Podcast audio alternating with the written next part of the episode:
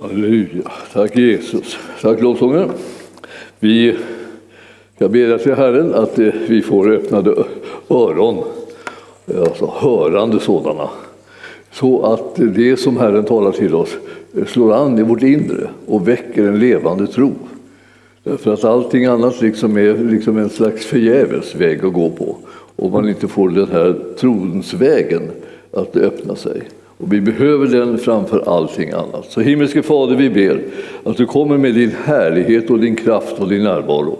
Så att du kan göra allting nytt och få allting att framstå i en annan dager, nämligen utifrån det synvinkel som du har på saker och ting.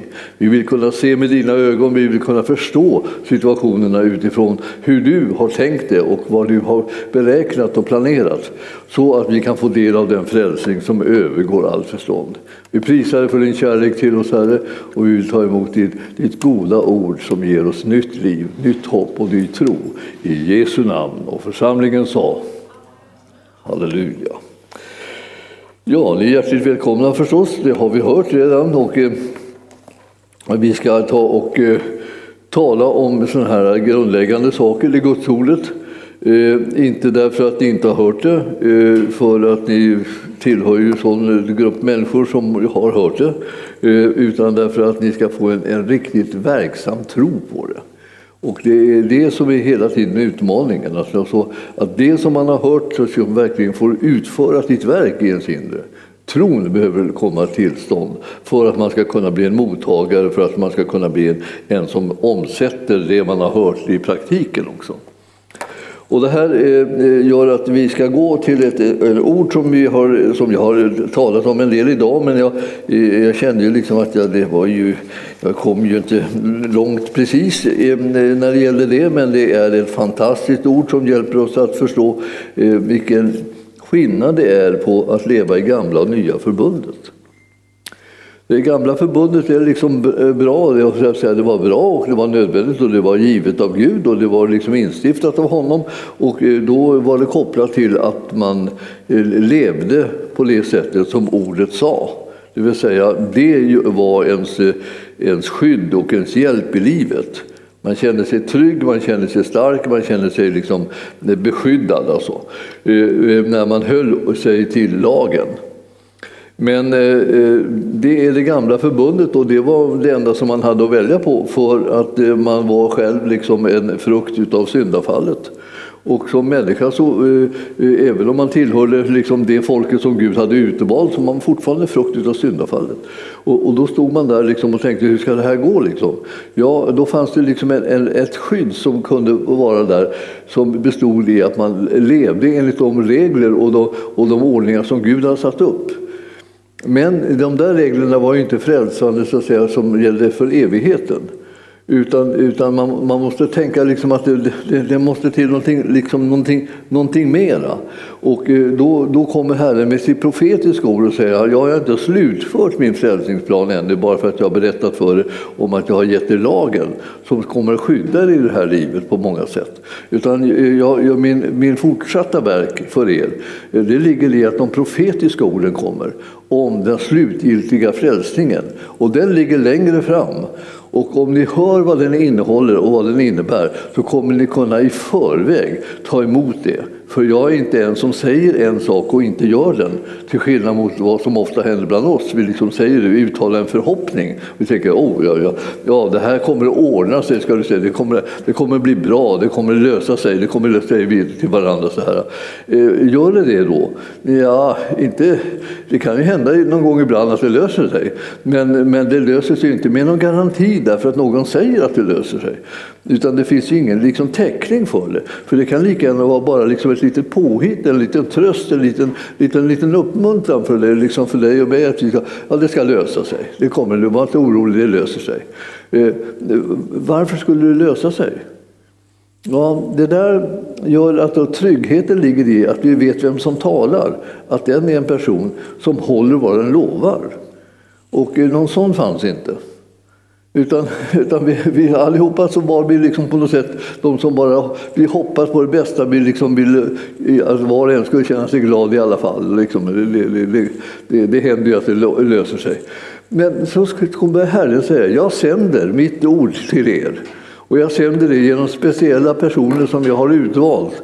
Och de stora profeterna, vi läser om dem i Gamla Testamentet, som dök upp där, de var inte liksom så populära precis för det mesta, utan de var ju liksom avskydda för de kom där och sa allt möjligt obehagligt som de inte folk ville höra. Och de, de sa liksom att, att man måste liksom förändra sitt liv och de sa att man måste bryta med synden och man måste göra upp med alla möjliga olika saker. Räckte det inte att man bara räknas till, till det rätta folket? Nej, det räckte inte. Därför att det är det som var det rätta folket. De, de, de struntade i Guds ord och de struntade i de som Gud sände. Och, och de flesta profeterna fick, fick, betala med sitt liv. Därför att de kom med ett budskap som, skulle, som på något sätt pressade folket eh, eh, mera än vad de hade lust att bli pressade. Men de som trodde på orden som profeterna talade, när han talade om den kommande Messias, den kommande frälsaren, den som skulle rädda folket. De som trodde på honom kunde ta emot det här budskapet i förväg. För han som gav löftet är trofast. Alltså, han var inte liksom en som säger en sak och så gör han en annan. Utan han, när han sa det som han hade, hade liksom på sitt hjärta och det sanningen kom ut, då höll han det. Han höll det lika säkert som om det redan var gjort. Alltså, så Guds ord är så sant som om det redan hade skett. Även när det inte har skett. När han talar om det som ligger i framtiden även för oss så är det så, det så sant som man, om det redan hade skett. Och därför så när man, man tar tag i det ordet och tror på det, då är man mottagare utav det som inte ännu har kommit. Men som kommer. Därför att han som har lovat det, han håller vad han har lovat. Han är liksom unik på det viset. Här. Garanten för det här, vad som kommer i framtiden, eh, var ju Jesus. Han sände liksom sitt ord, ni vet. Och Jesus han kallades ju för ordet också. Han sände ordet och så, så, så förväntade han sig att de som hörde honom som kom och var ordet de skulle, och, och trodde på honom, de skulle bli delaktiga i det som han talade. Därför fanns det frälsning innan frälsningen liksom var gjord eller beredd. Innan Jesus dog på korset fanns det frälsning därför att man kunde ta emot i tro i förväg. För Gud hade lovat att han skulle sända sin son till försoning för synden. Ja, våra sjukdomar, bara våra synder, eh, liksom, tog han på sig. Alltså. Det är profetiska orden. De kommer ju liksom 700 år för tidigt. Så säga. Alltså, och, då skulle, och så kunde man tro på dem. Så, sen hänvisar man tillbaka hela tiden till det här. De här profeterna, de här profeterna har sagt det här, de har sagt det här och det, här, och det är ord från Gud. Och man, och man, en del tänkte, de där profeterna har vi inte godkänt, jag tror inte vi har godkänt dem. Så gick man och frågade någon överstepräst eller någon, eller någon annan skriftlärare, så här, har vi godkänt dem? Liksom, Nej, ja, ja, vissa stycken och så, andra, andra saker. Vi, andra sidan så bedömde vi dem att de inte riktigt höll måttet, så vi slog ihjäl dem. Och vi slog ihjäl profeterna. Alltså det här att slå ihjäl profeterna är ingen bra sysselsättning. Det ska man inte ägna sig åt. Utan man, ska, man, ska se, man ska respektera dem som Gud sänder. Och när Gud sände sin egen son, vad gjorde man då? Ja, slog man ihjäl honom också. Alltså att döda liksom, det som inte liksom stämde med ens egna tankar och ens egna uppfattningar, liksom, det, det var ju ganska spridd idé. Och, eh, och det här gör ju att eh, man, man kan börja undra liksom hur, hur pass mycket giltigt är då orden som kom genom profeterna? Hur pass giltigt, giltigt är ordet som kom genom han som var sonen, som var ordet? Hur pass giltigt är det? Fullständigt giltigt oavsett vad, om folk tog emot det eller inte tog emot det. Det gäller helt och fullt. Därför gäller frälsningsbudskapet för varenda människa fastän det är massor med människor som ännu inte har tagit emot det. Alltså det, det blir inte giltigt för att de tar emot det, det blir giltigt för dem för att de tar emot det. Det vill säga de får välsignelse av det när de tar emot det. Men från hans sida är det giltigt hela tiden. Så vi kommer liksom, låt försona er med Gud. Hur ska det kunna ske? Han har redan gjort det. Det är sanningen. Han har gett sitt liv för alla människor. Det är redan färdigt. Och när vi kommer liksom på liksom redan färdigt, då skulle man kunna gå och, och, och, erbjuda det till varenda en som man stöter på. Ja, visst, det är det som är så märkvärdigt. Alltså, och, och, det blir inte liksom mindre, mindre sant bara för att någon inte tar emot det. Det blir bara till mindre välsignelse och hjälp om någon inte tar emot det. Den som inte tar emot det, den missar välsignelsen, den missar räddningen, den missar hela planen eh, som Herren hade utfört för deras räkning. Men han hade redan fullbordat det. Det låg där och det ligger fortfarande och väntar på dem. Så länge de finns i den här nådatiden så ligger det och väntar på dem att de ska ta emot det. Och det är ingenting som fattas i det som han har gjort. Utan allting har han fullgjort fullkomligt så att det ska vara tillgängligt för var och en. Så någon av oss skulle kunna säga när de får höra erbjudandet om frälsningen, ja tack, jag tar emot det. Och så blir det omedelbart deras arvedel.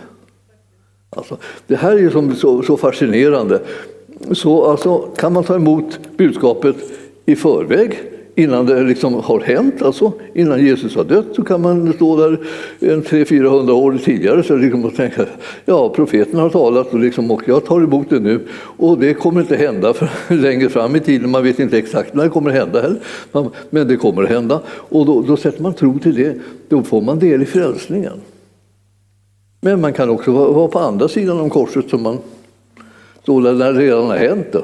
Det är, nu står vi här och så här, 2000 år sedan hände det och tittade liksom tillbaka, kan det gälla fortfarande? Det var ju 2000 år sedan som det var, liksom det var aktuellt. Ja visst, det gäller nu ändå. Därför är det varaktigt. Gärningen är redan gjord, erbjudandet gäller fortfarande till var och en.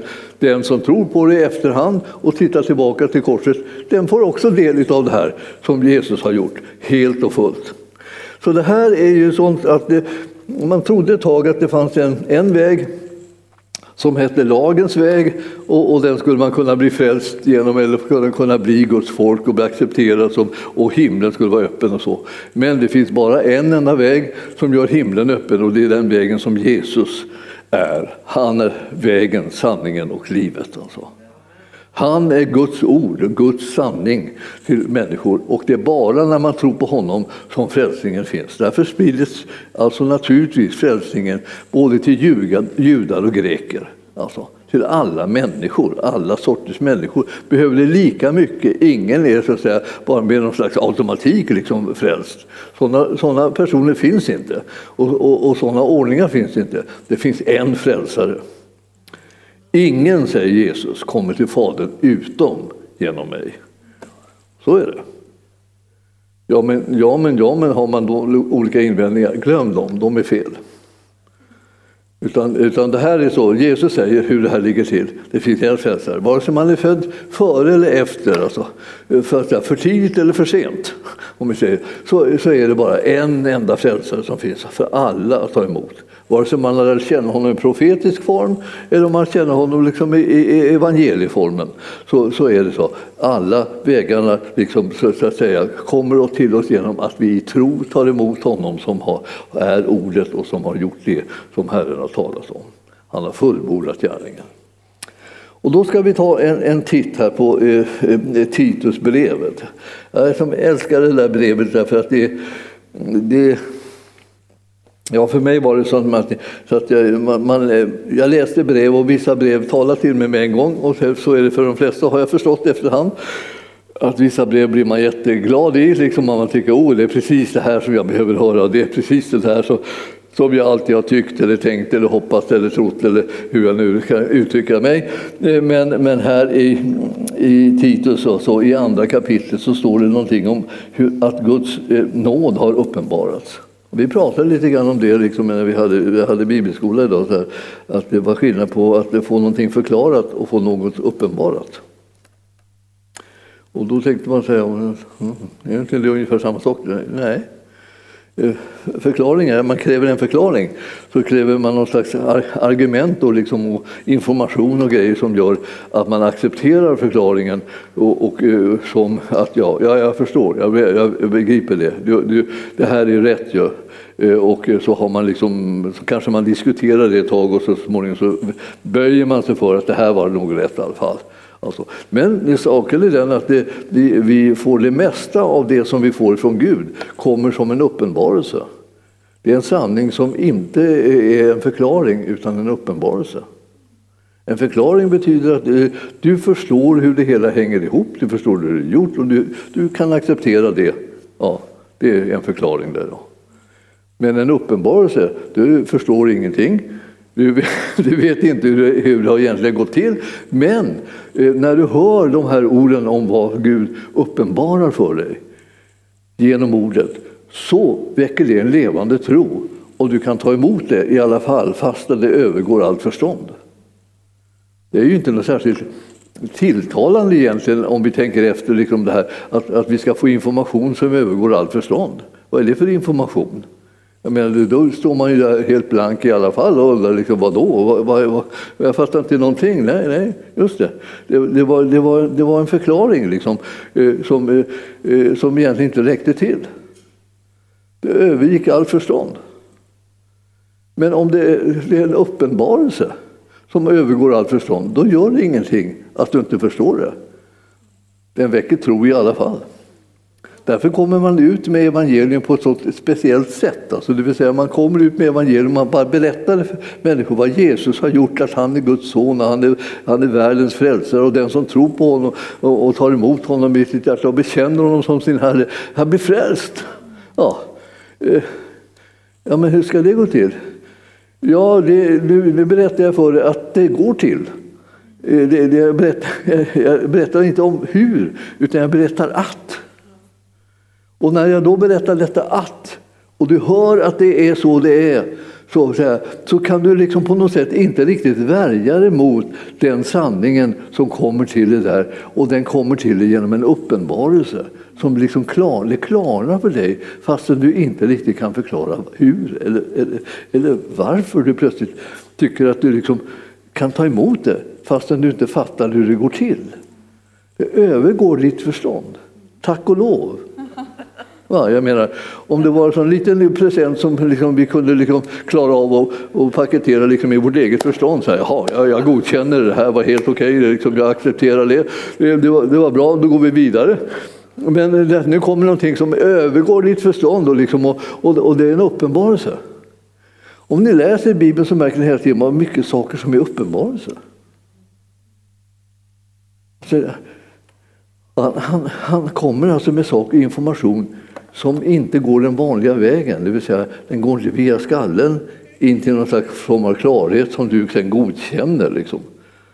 Utan, utan den kommer som en, en, en, liksom en uppenbarelse som, som du inte riktigt fattar liksom hur det kommer sig att den här tar tag i det så till en milda grad och väcker en så levande tro i ditt inre så att, det liksom, så att du säger att jag vet inte hur det hänger ihop med det här, det här liksom, det övergår förståndet. Och, vet du, och, och, då behöver man inte gå och leta i förståndet efter ett godkännande heller.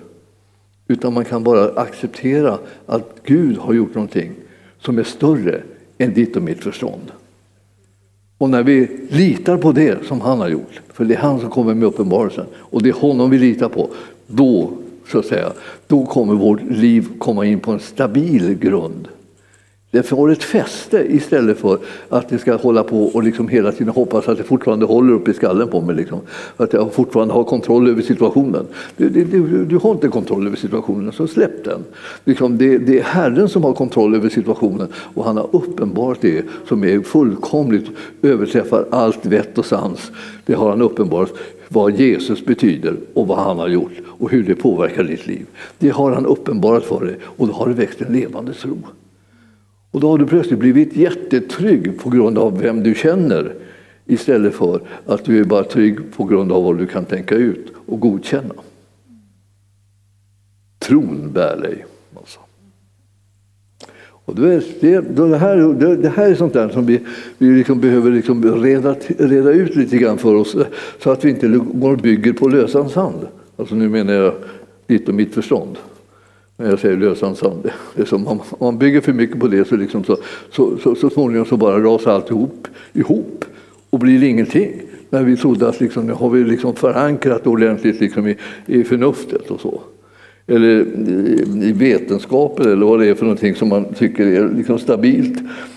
Eh, men alla sådana här saker, som både förnuft och eh, vetenskap, eh, förändras ständigt och jämt. Det blir nya liksom, aspekter och det blir nya insikter och det blir nya delar och det blir nya bitar som, som gör att förändrar vad som är sanning och vad som, vad, vad, vad som är liksom felaktigheter och vad som är, är, är, löst och vad som sitter fast. Och vad som, ja, man har oändliga, oändliga, oändliga förändringar.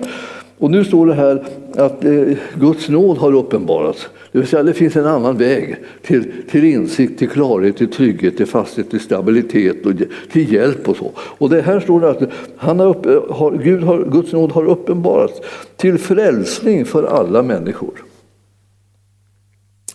Att han kunde dö på korset och det skulle leda till frälsning för alla människor. Eh, ja, i alla tider alltså. Det, det, är ju, eh, det är ju ingenting att försöka räkna ut hur det kan gå ihop. Utan det är ju mera bara så här, det blev en uppenbarelse av det. Och då var det, då var det en faktor som fanns där som var större än någonting annat, någonting alldeles suveränt fantastiskt. Och den faktorn hette nåd. För om det skulle liksom bli annat det uppenbaras bara till dem som liksom hade ordning på sitt liv, de som var, som var trofasta och skötsamma och, och tänkte goda tankar och talade goda ord och, och gjorde goda gärningar. Och det är bara för dem som den här liksom, eh, nåden skulle liksom uppenbaras. Liksom. Nej, det var det inte. Utan nåden var en sån här gratishistoria som är, som, är, som är så otroligt ofattbar, stor och underbar så att man kan inte riktigt fatta hur, hur det ska kunna komma alla till del. Någon måste väl ändå liksom vara så att den inte har rättigheter att bara rycka till sig nåd, en gratis erbjudande från himlen. Alltså om de har struntat i himlen hela sitt liv, så tror, tror vi då att de ska liksom få den här nåden? Ja visst, det är det som är själva innebörden. I det. Eh, gratis är utan motprestation. Om du har fått någonting gratis så, då, då kan du vara säker på liksom att, du, att du inte behöver förtjäna det. Inte i förväg, inte när du just får det och inte i efterhand heller. Du behöver aldrig förtjäna det. Det, det här är inte liksom, ligger egentligen inte liksom, eh, i vår smak, om vi säger, när det gäller för andra. Vi tycker att de borde ju förtjäna det lite grann. åtminstone. Att jag själv får nåd, det, det, det, är ju, det, är ju, det är ju bara som sig bör. Det är skönt, det är bra för mig. Men andra som beter sig som de beter sig, ska de ha bara nåd? Någon liten smäll ska de väl ha. Någon liten, någon liten bestraffning, någonting som rättar till dem då, så, så blir det ordning på livet. De bara springa omkring och leva hur som helst och, och eh, påstå att de är kristna.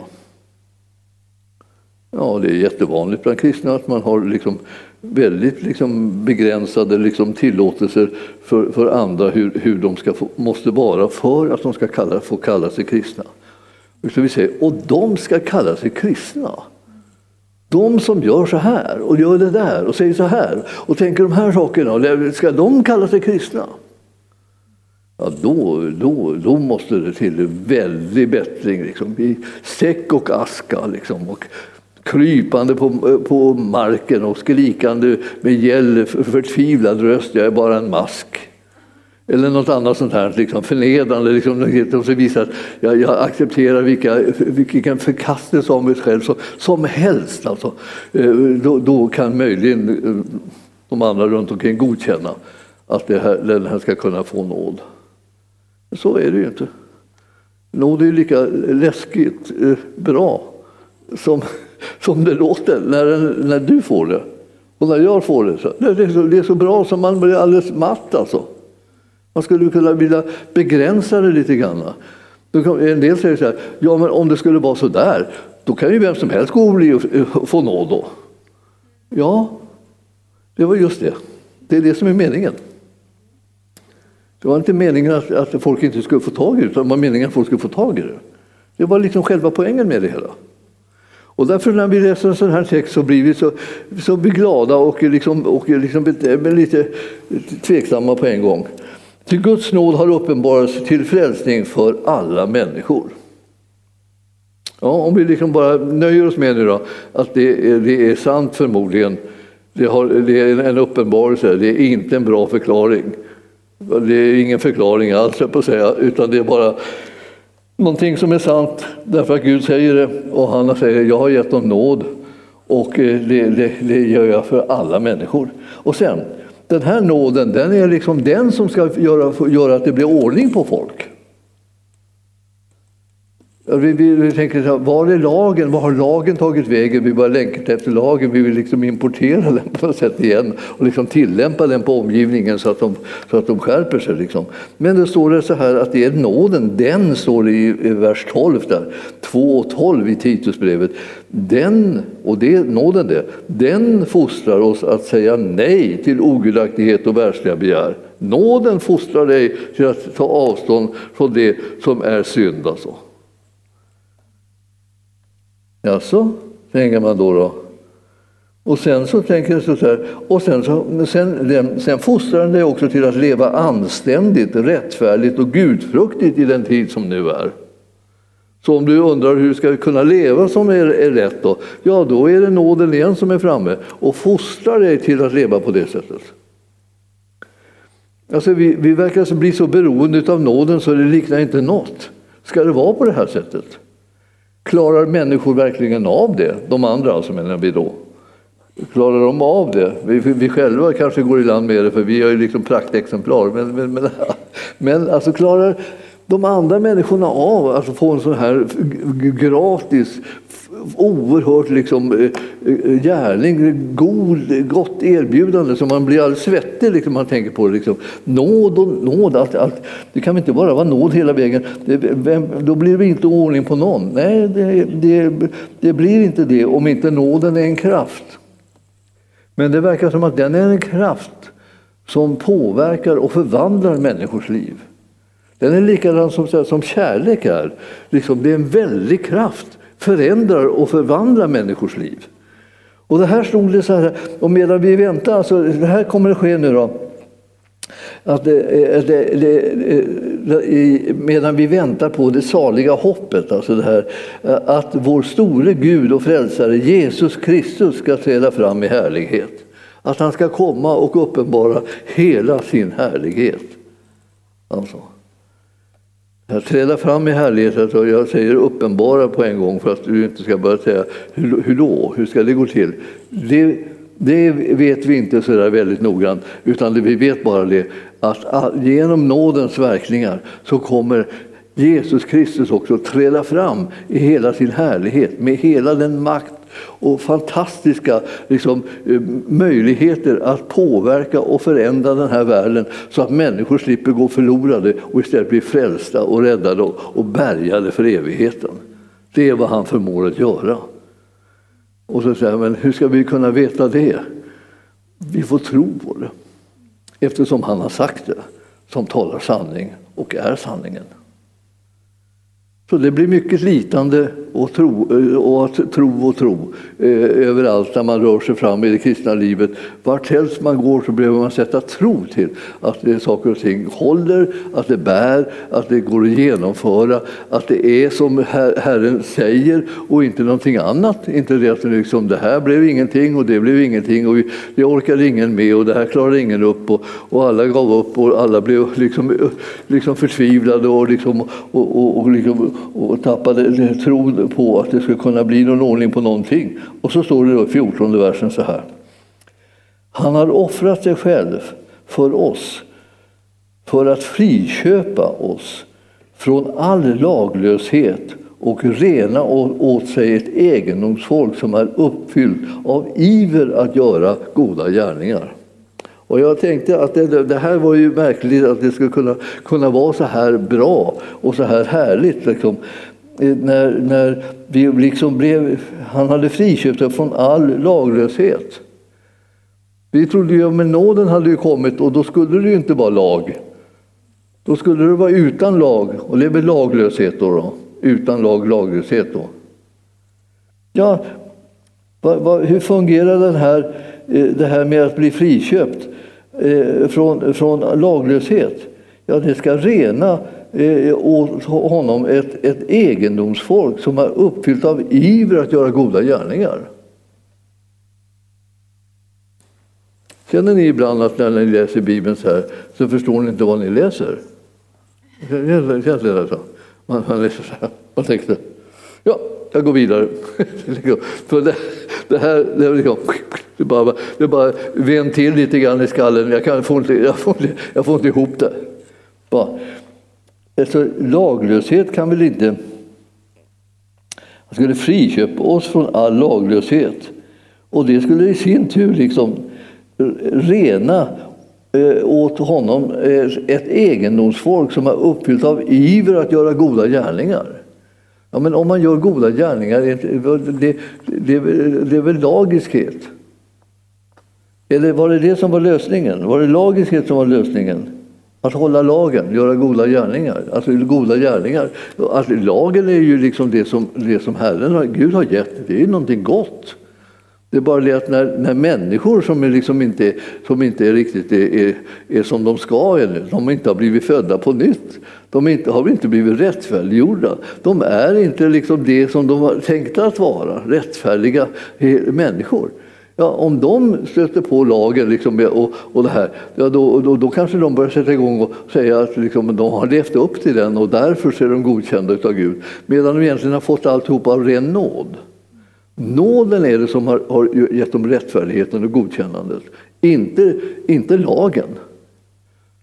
Om de, om de skulle bli, ha drivits av lag, Eh, ja, då hade det inte blivit den rätta sortens goda gärningar. Goda gärningar är sådana gärningar som är gjorda därför att man älskar Gud tillbaka, som man älskat den så. Vi älskar därför att han först har älskat oss. Ni känner ju det, vi pratar ofta om det. Och inte tillräckligt ofta, men, men, ofta. Därför att vi behöver höra så jättemånga gånger att vi, det, anledningen till att du och jag vill göra Herrens vilja, det är att vi har upptäckt att vi är älskade av honom. Annars vore inte alls så intresserade av att göra Herrens vilja.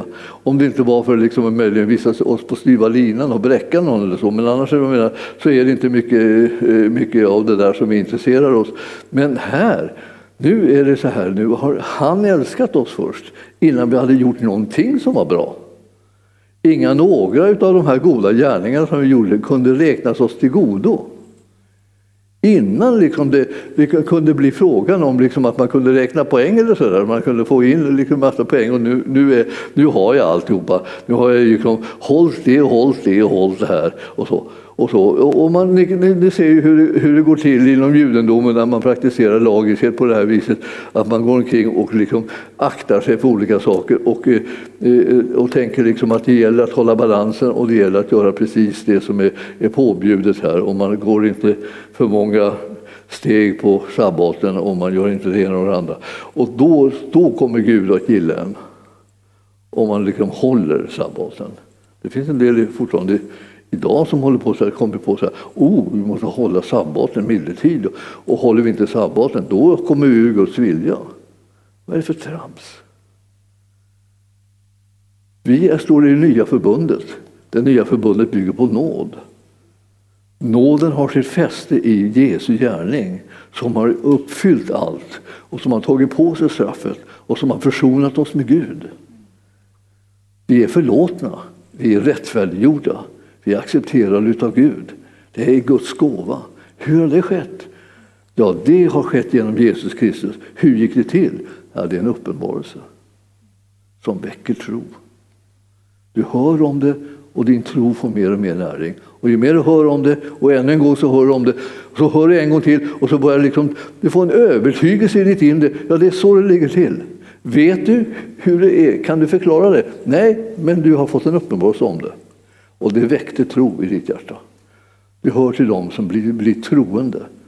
Som inte kan försvara sig, som inte kan förklara sig, som bara kan vittna om vilken frälsare de har upptäckt att de har i Jesus Kristus. Du förstår att det här man måste på något sätt finna sig i. Att man blir beroende av honom och hans gärning. Utan att man kan liksom riktigt säga Ja, det var så här. Alltså, jag kan inte förklara mig, men jag, jag, vet, jag vet att det här är det enda som betyder någonting för mig. Han har frälst mig. Han har dött i mitt ställe. Han har försonat mig med Gud. Det är det som är sanningen. När vi, när vi liksom läser i skriften så stöter vi på det här hela tiden. hela tiden. Och, och jag tänkte nu att vi ska ta en liten, en, en, en liten titt i, i Galaterbrevet också. Och som jag hela tiden säger när jag har de här sakerna, då ska vi till Galaterbrevet och då kommer det efter Romarbrevet romerska kor, eh, så var Korinthierbrevet och sen kommer det Galaterbrevet, gal. Romerska kor, gal efter fil. Det är, liksom, det är en ramsa som man har mycket nytta av i livet. Allt är inte ramsor, men många saker är det. Och här, här ska vi ta och titta på, på ett, ett, ett bibelställe i andra kapitlet. Då. Och vers 21. Ja. Här, nu, nu, nu ska vi läsa en sanning, alltså. alltså en absolut sanning. Om du har en bibel så kan du kolla att det står där. Och det, det här är som är sant. Detta är sant där det står alltså. Eh, och, och det, det, är det man ska göra. Man ska svara på frågan när, när någon kommer och vill diskutera med en. Var står det skrivet? är frågan. Det är den gamla frågan som man alltid har frågat eh, liksom i väckelsetider. När folk har kommit påstått olika saker om vad den kristna tron är för någonting och vad den, vad den gör och vad den åstadkommer och vad den bygger på. Och alltihopa. Så, så, så frågar man var står det skrivet? Om du inte vet vad det står skrivet så då kanske du skulle vänta med att eh, diskutera någonting. För det, det, behöver ta reda på sanningen. Var står det? Vi, vi bygger våra liv på sanningen som står i Gudsordet. Vi bygger inte på våra känslor, vi bygger inte på, på, på vår tankeförmåga heller. Och, och, vi bygger inte på liksom någon slags att vi har smörjelse eller någonting sånt där. Vi talar om att vi har smörjelse. Det är inte det, det, är det. vi bygger på Guds ord. Och då när det slår här, jag förkastar inte Guds nåd. Ja, det var ju bra. Om rättfärdighet kunde vinnas genom lagen, då hade ju Kristus dött förgäves. Alltså det var helt onödigt att Jesus dog om man ändå kunde bli rättfärdig genom att hålla lagen. Det kan man alltså inte. Ja. Det var den ena sanningen. Då. Sen kan vi hoppa över till, går vi från, till Galaterbrevet 3. Och då tittar vi i vers 21 där, det är väldigt bra, där. det står ju också 21. Så 21 och 21. Jag träffade en liten, en, en liten sån här, vad, heter, vad kan man kalla den för? för eh, eh sån här lek, lekbroder, eller så, det vill säga inte en som jobbar på dagis utan en som,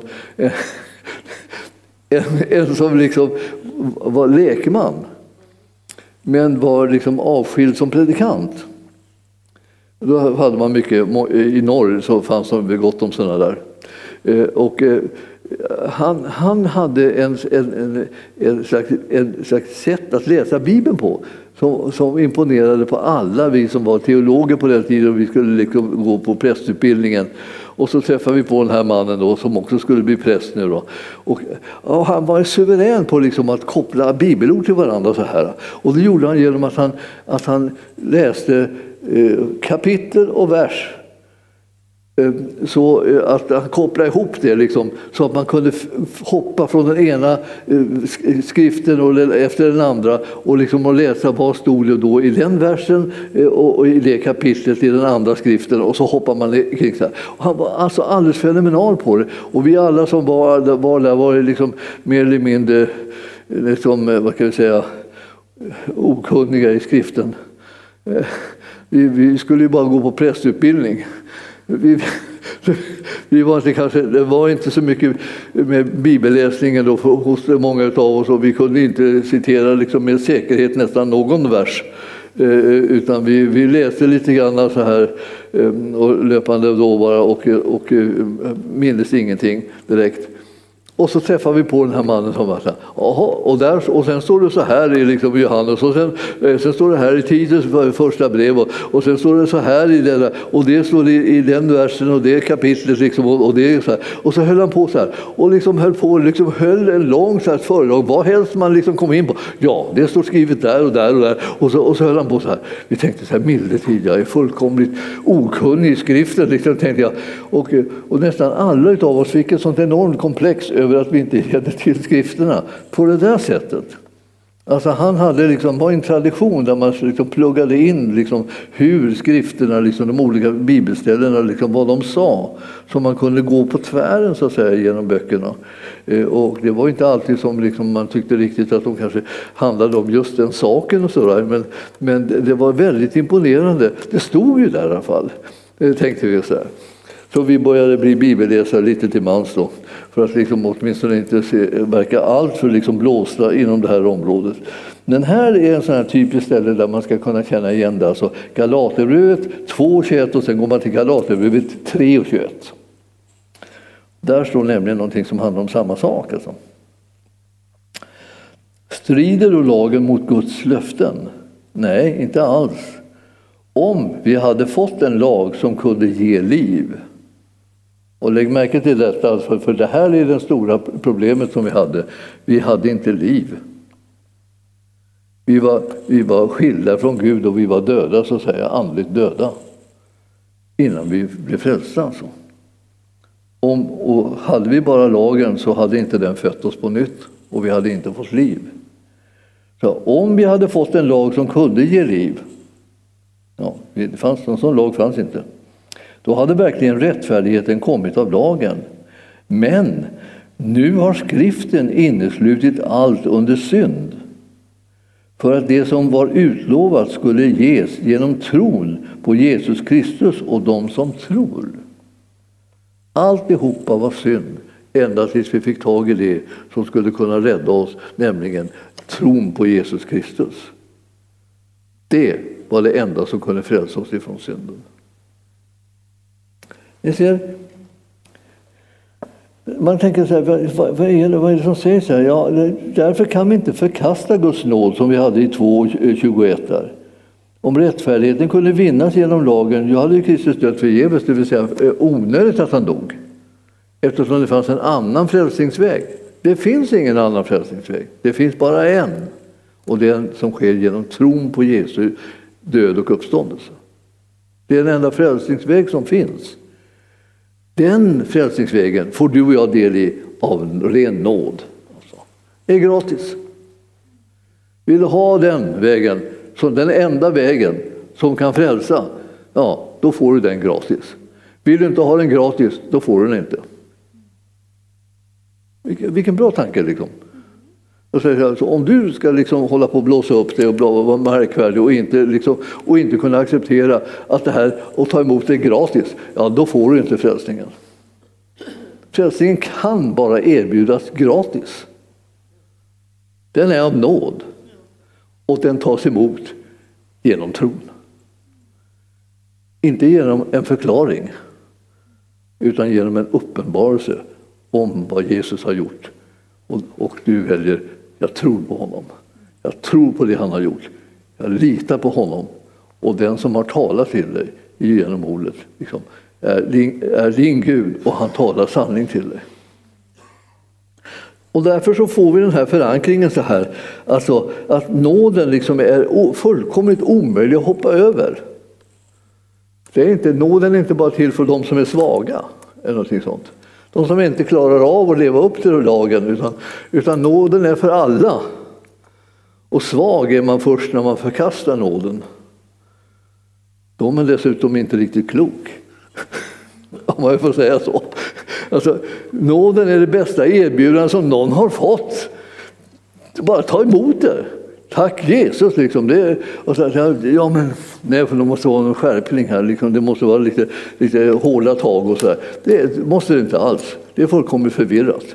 Det är, Herren har badat en enda väg till frälsning och det är nåd och genom tron. Av nåd genom tro. Det är den enda vägen. Enda vägen. Ingen annan väg når fram. Ingen, ingen kan nå någon frälsning någon annan väg. Och därför så kan vi, liksom, när vi väl har kommit få det, att så här ligger det till. Accepterar vi det här, att det kommer som en uppenbarelse och som en ren gåva till dig och mig. Som inte liksom gör sig beroende av vad vi har fattat eller kunnat räkna ut eller liksom hålla med om och acceptera. Utan det här bara, det är fullständigt liksom, eh, gratis, gratis. Och jag, jag, jag, jag, eh, har vant mig med det så småningom. Jag tyckte jättemycket om att diskutera när jag var ung. Men vad ledde det till? Förvirring. Till slut så tappar man intresse för det här diskuterandet. Man diskuterar, man diskuterar. Liksom. Alla diskuterar och man kunde inta vilka ståndpunkter som helst. Ibland var man mot liksom, Gud, och ibland var man för Gud. Och ibland var man, liksom, och man, man höll på och höll med om allt möjligt kors och tvärs. Här. Men vad, vad ledde det till? Ingen uppenbarelse alls. Det ledde bara liksom till en återvändsgränd. Man satt där och hade, alltihopa hade bara hakat upp sig. Så jag, jag spillde massa år på att liksom gå omkring liksom och inte veta vad det var som var sant. Och vad, vad det var som var rätt och vad jag, vem det var jag skulle tro på och vem det var jag skulle följa. Alltså, eh, jag, hemifrån så visste jag väl att, att de tyckte att jag skulle göra olika saker. Men, men eh, jag själv var bara liksom, tyckte att det, jag, jag fick inte det här gå ihop. Liksom. Nej, det var ingen förklaring, det var en uppenbarelse. För var och en som tror så blev nåden tillgänglig. Och nåden var redan liksom uppenbarad och genomförd och skapat förutsättningar för genom Jesu död och uppståndelse. Ingen kunde vara utan det. Alla måste göra sig beroende just av den gärningen. Det är den enda som frälser. Och då vet man plötsligt att, ja, när man kom på det då, var ju för välsignat till slut alltså, efter alla små turer hit och dit. Det fanns ju tider då, liksom, jag tror det finns mer eller mindre i varje människas liv, då man tror att, eh, att man, man ska gå omkring och, och eh, godkänna eller acceptera Gud. Alltså, att han accepterar att han finns. Ska liksom acceptera det. Men han behöver inte att vi accepterar eh, att han finns, utan han behöver bara det att vi böjer oss för att det är han som är Gud och det är vi som litar på att det han har sagt om frälsningens enda väg är sann. Ingenting behövs, han behöver inte ditt medhåll egentligen i bemärkelsen. Det tycker du också låter vettigt och riktigt. Du behöver inte tycka att det är vettigt, du kan bara acceptera det. Det är en uppenbarelse. Nåden är en uppenbarelse från Gud. Och jag känner liksom att den som bygger sitt liv på rätt sak kan bli väldigt stabil. Det kan bli ordning på det. Men den som bygger liksom på, med för mycket personlig inblandning i det och liksom man ska vara själv vara med och man ska acceptera det och man ska godkänna det och man ska och så här, eh, kommer bara in i snurr. Vi kallar det att tro på Gud och, och den han har sänt. Och det gåvan som kommer genom honom som har sänts till oss är en gåva som är av ren nåd. Det var, det, det var, den, det var första grejen, men det, det, det, det var det väl inte. Det är nästan snart sista. Men, men jag ska, om, om vi eh, går tillbaka här nu då. Eller jag, först, jag tror jag går framåt först. Eh, det här, om du läser i femte kapitlet i Galaterbrevet och första versen där så, så Galaterbrevet är ovanligt eh, bra brev att läsa faktiskt. Ovanligt bra. Alltså, eh, det, är liksom, det är kort, det tycker jag alltid var bra när det var kort. Men, men sen är det också det att det talar om liksom hur vägen går till, till frihet och till, eh, till eh, tro och så. Och till eh, frihet ifrån lagen. Och man kan tänka sig liksom att om man blir fri från lagen att man då skulle leva på ett sätt laglöst. Nej, man kan leva driven inte utav lag utan utav, av kärlek och utav nåd istället. Och här står det i 5 och 1 så här i Galaterbrevet att till denna frihet har Kristus gjort oss fria. Alltså stå därför fasta och låt inte något nytt på nytt alltså tvingas in under slavoket. Alltså Lagen gör att du och jag fastnar på, i ett slags liv som är som ett slaveri. Då man hela tiden går omkring och är rädd för det ena och det andra som ska låsa en eh, eller hålla en fast på något vis. Och så går det bara lite fram till, eh, till eh, den fjärde versen i samma kapitel, kapitel 5 alltså, i Galaterbrevet och vers 4. Ni har kommit bort Alltså, det står, alltså de som, för, eh, alltså, jag försäkrar er än en gång, jag tar tredje versen också så vi fattar sammanhanget. Jag försäkrar er än en gång, var och en som låter omskära sig är skyldig att hålla hela lagen. Den är liksom ett tecken som gör att man går in under det gamla förbundet och eh, omskärelsens tecken liksom, eh, gör att jag är ansvarig för att eh, uppfylla lagen. Och ni har kommit, ni, ni har kommit bort ifrån lagen, ifrån, bort ifrån Kristus, ni som försöker bli rättfärdiga genom lagen.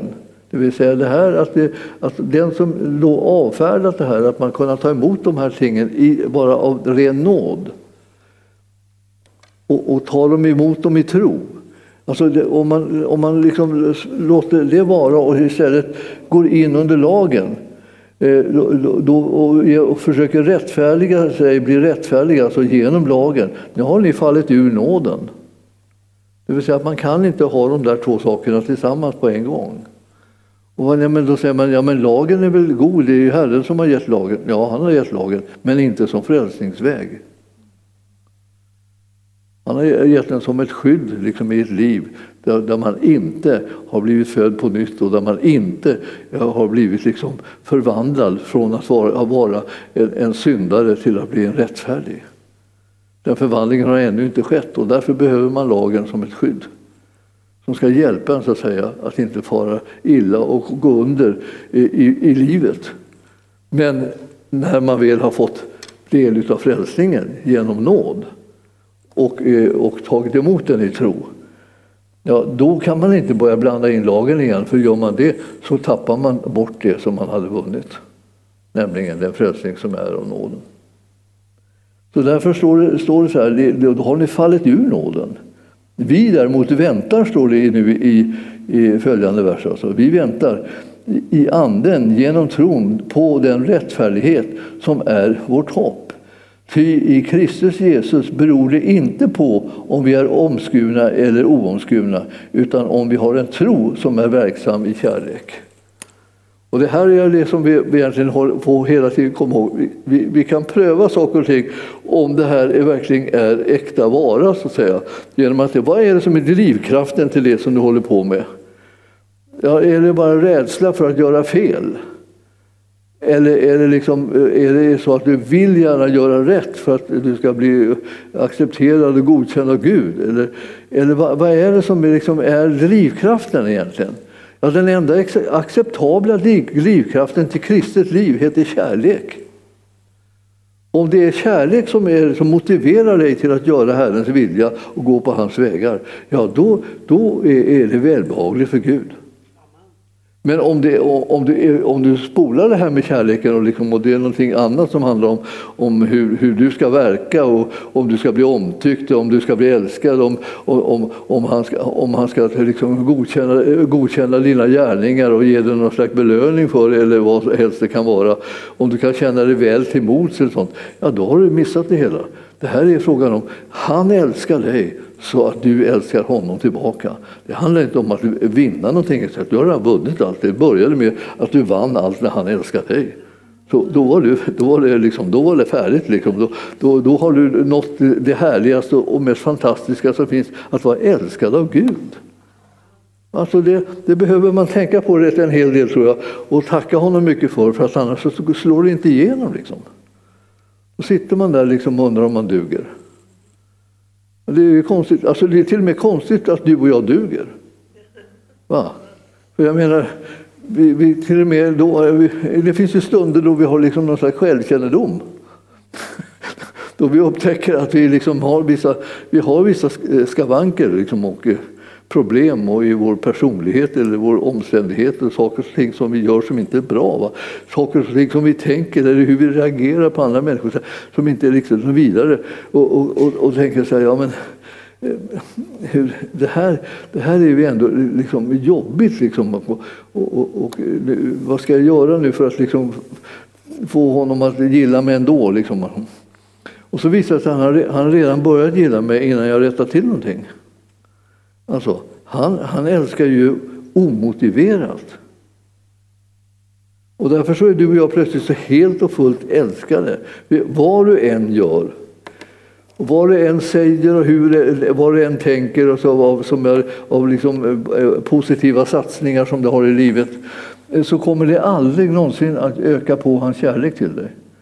För han älskar dig tillräckligt mycket som man överhuvudtaget kan älska dig redan nu. Så det, man behöver inte invänta liksom det att om jag nu då sköter mig, liksom, eller om jag vittnar fantastiskt mycket. Liksom. Jag missar inte ett tillfälle att vittna. Ja. Blir jag mer älskad? Nej. Det handlar ju om att jag älskar honom, hoppas jag. Och det, om det handlar om att du ska liksom visa på styva linan så har du valt fel sak. För du, du, vad du behöver göra är att du behöver älska honom tillbaka. Därför att du har märkt att du har blivit föremål för hans kärlek. Det, är inte, det, det, det blir inte mer kärlek. Det bara blir att du upptäcker det mer. Det är inte, alltså det är inte dåligt att upptäcka att man, alltså man är älskad av Gud. Alltså det, är, man, man säger, det, det är absolut ett plus. Det, man, man, får man in det i sitt liv så, så, så mår man väl av det. Alltså. Men det, kärleken från honom kan inte öka. Den har redan, liksom, är redan så fullständigt liksom, eh, gränslös innan vi sätter igång och reagerar på den. Och det här, är, det här övergår ju vårt förstånd och det är vi tacksamma också för igen. Då. Så att om man skulle bara få det som man kunde liksom förstå sig på så skulle man få ett sånt litet mått så att det var ingenting att höra över. Alltså. Det här är frågan om att Herren ska få göra en gränslös sak mot oss som är obegripligt god och stor och underbar. Och, eh, och, och, det går inte liksom att eh, komplettera den eller bygga på den eller förstärka den. Eller någonting sånt där. Det finns inte liksom på kartan. Utan vi är de som är älskade av Gud. Och när vi kommer på det börjar vi leta efter vägar att älska honom tillbaka. Och då får vi inte, blir vi inte mer älskade av det utan vi bara har förmånen att få älska honom tillbaka. Alltså. Så det här är sånt där som är, som är sånt, sånt ljuvligt. Va? Och, eh, jag vet inte vad jag ska ge dig för ett ytterligare bibelord. Nej, du får inget mer bibelord. Alltså, det är alla, de, alla dessa goda ord va? De, de hjälper oss att förstå att det är en sån, sån liv som du och jag har fått att leva som är, som är gratis, som är av nåd. Och tro aldrig någonsin att det liksom finns något sätt att förstärka den. Det finns inte någonting större och det finns ingenting mer fullkomligt än den kärleken som han älskade dig med redan innan du har presterat någonting. Det är svårare att ta emot det när man inte har presterat någonting. Man tänker ah, nu har jag i alla fall åtminstone nu, nu, nu har jag bekänt honom som min herre och så där, tagit, emot, eh, tagit emot honom i mitt hjärta. Så nu, nu, nu det måste han ju älska mig för. Men han älskade dig tillräckligt mycket redan innan och det blev inte mer. Det var bara det att du fick förmånen att veta om det. Att vara älskad utan att veta om det, det är något sorgligt. Om det nu inte är någon som man inte vill bli älskad av, då känns det ju som en lättnad att man inte vet om det. Men om, om det är annars så är det så att det, det, det är bedrövligt liksom, liksom, eh, om man inte vet om att man är älskad av någon som man önskar ska älska en. Och du får du hela tiden i evangelium höra, du är älskad. Och så. Från första stund redan liksom när det var som en tanke i Herrens, eh, Herrens sinne, liksom, så älskade han dig. Vi andra förvånar oss över det kanske. Men, men vi, vi tänker, så, kan Gud bara älska någon bara så, utan, utan no, någon anledning alls? Ja, han är sån. Det är det som är det. Och vi behöver vara med honom som är på det sättet. För ingenting kan annat kan liksom befria oss till att leva ett liv där, där kärleken är drivkraften. Ingenting annat än den här fullkomligt gränslösa kärleken som han har till dig och mig. Och vi kommer att få en, ett tålamod och ett, en, en, en uthållighet så att säga, i förhållande till varandra också som, eh, som blir underbar. Och därför kan man kan säga då kommer vi uppskatta att vara tillsammans ännu mera. Därför att det är hans kärlek förvandlat oss. Så himmelske Fader, nu ber vi att du låter ditt ord tala in i våra hjärtan och väcka en levande tro på den nåd och den godhet som du har visat oss. Tack för att du älskar oss utan gräns. Tack för att vi får gå in i den friheten och bara proklamera att du har uppenbarat dig för oss genom din son Jesus Kristus. Och nu vet vi att sonen är lösningen, sonen är räddningen. Hans död och uppståndelse är befrielsen och förmedlaren av den underbara nåden som gör att du och jag blir förvandlade från syndare till rättfärdiga. Från att vara, vara begränsade och bundna genom lagen och kraven till att vara fria och lösta så att vi kan tjäna dig utan fruktan i alla våra livsdagar. Vi bara proklamerar att det är du Jesus som har herraväldet i församlingen och i våra enskilda liv. Det är bara din makt och din vilja som ska bryta igenom och vi välkomnar den att den ska få fullborda sitt verk bland oss. I Jesu namn och församlingen församlingen sa Halleluja, tack Jesus. Ja, det var budskapet för idag. Och eh, eh läs gärna de här bibelställena och tänk liksom på dem och be att de liksom kommer in med sin fulla uppenbarelse i ditt inre. Så kommer du att märka liksom att det här är liksom det bästa som du någonsin har hört. Inte därför att jag sa det, utan för att han förmedlade det till oss genom sitt levande ord.